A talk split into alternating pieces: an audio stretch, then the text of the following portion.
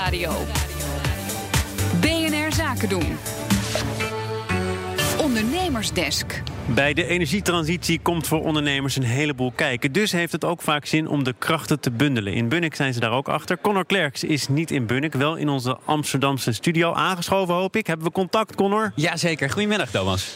Jij zit in Amsterdam, maar we gaan het hebben over een situatie in Bunnik. Ehm, wat is daar aan de hand? Ja, inderdaad. Nou, ik kreeg uh, een interessant bericht uh, en uh, ben daar ze achteraan gaan bellen. Het gaat over de Green Business Club in Bunnik. In Bunnik daar zitten namelijk best wel veel grote bedrijven. En NS, Vrumona, BAM, Engie, Bovag en Postillon Hotels die zitten daar. En die gaan voortaan de krachten bundelen in de energietransitie. Ze zijn maandag gestart met een kick-off en er komen allerlei nieuwe initiatieven. Ik heb daarover gesproken met Niels Bonder. Hij is directeur concern huisvesting bij BAM. Want daar gaat het veel om, hè, verduurzaming van vastgoed. Hij legt uit waar het idee vandaan komt. De Green Business Club in Nederland die bestaat al, uh, al langer. En er zijn al elf andere businessclubs.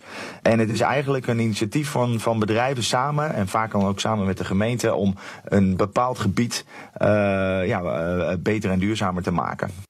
Ja, ze werken dus samen met de gemeente, maar vooral met die bedrijven onderling. Want de mogelijkheden om samen te werken in de energietransitie, die leveren een hoop op. En het is ook gewoon makkelijker dan dingen in je eentje doen. Elk bedrijf is afzonderlijk best wel bezig met duurzaamheid. En de een op, uh, zoals wij, meer met, met zonnepanelen en energieopslag.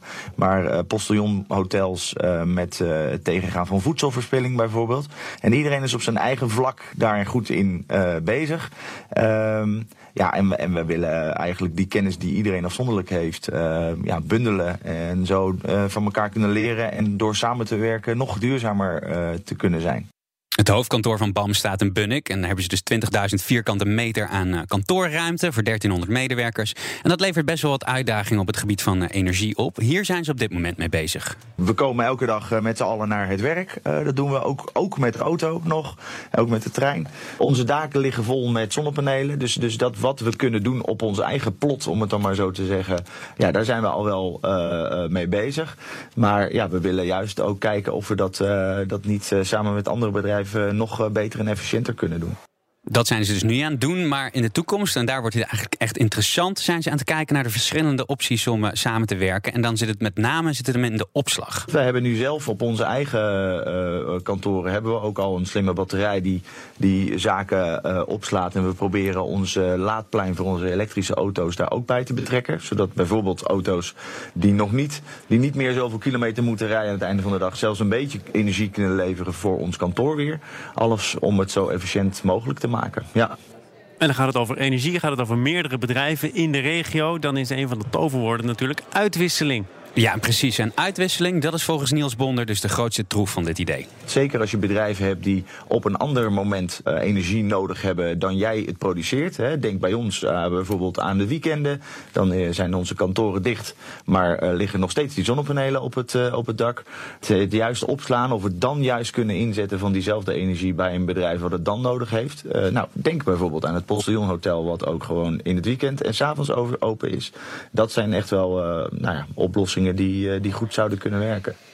Nou kan het op de radio natuurlijk niet genoeg over Bunnik gaan, maar wat hebben andere bedrijven er precies aan?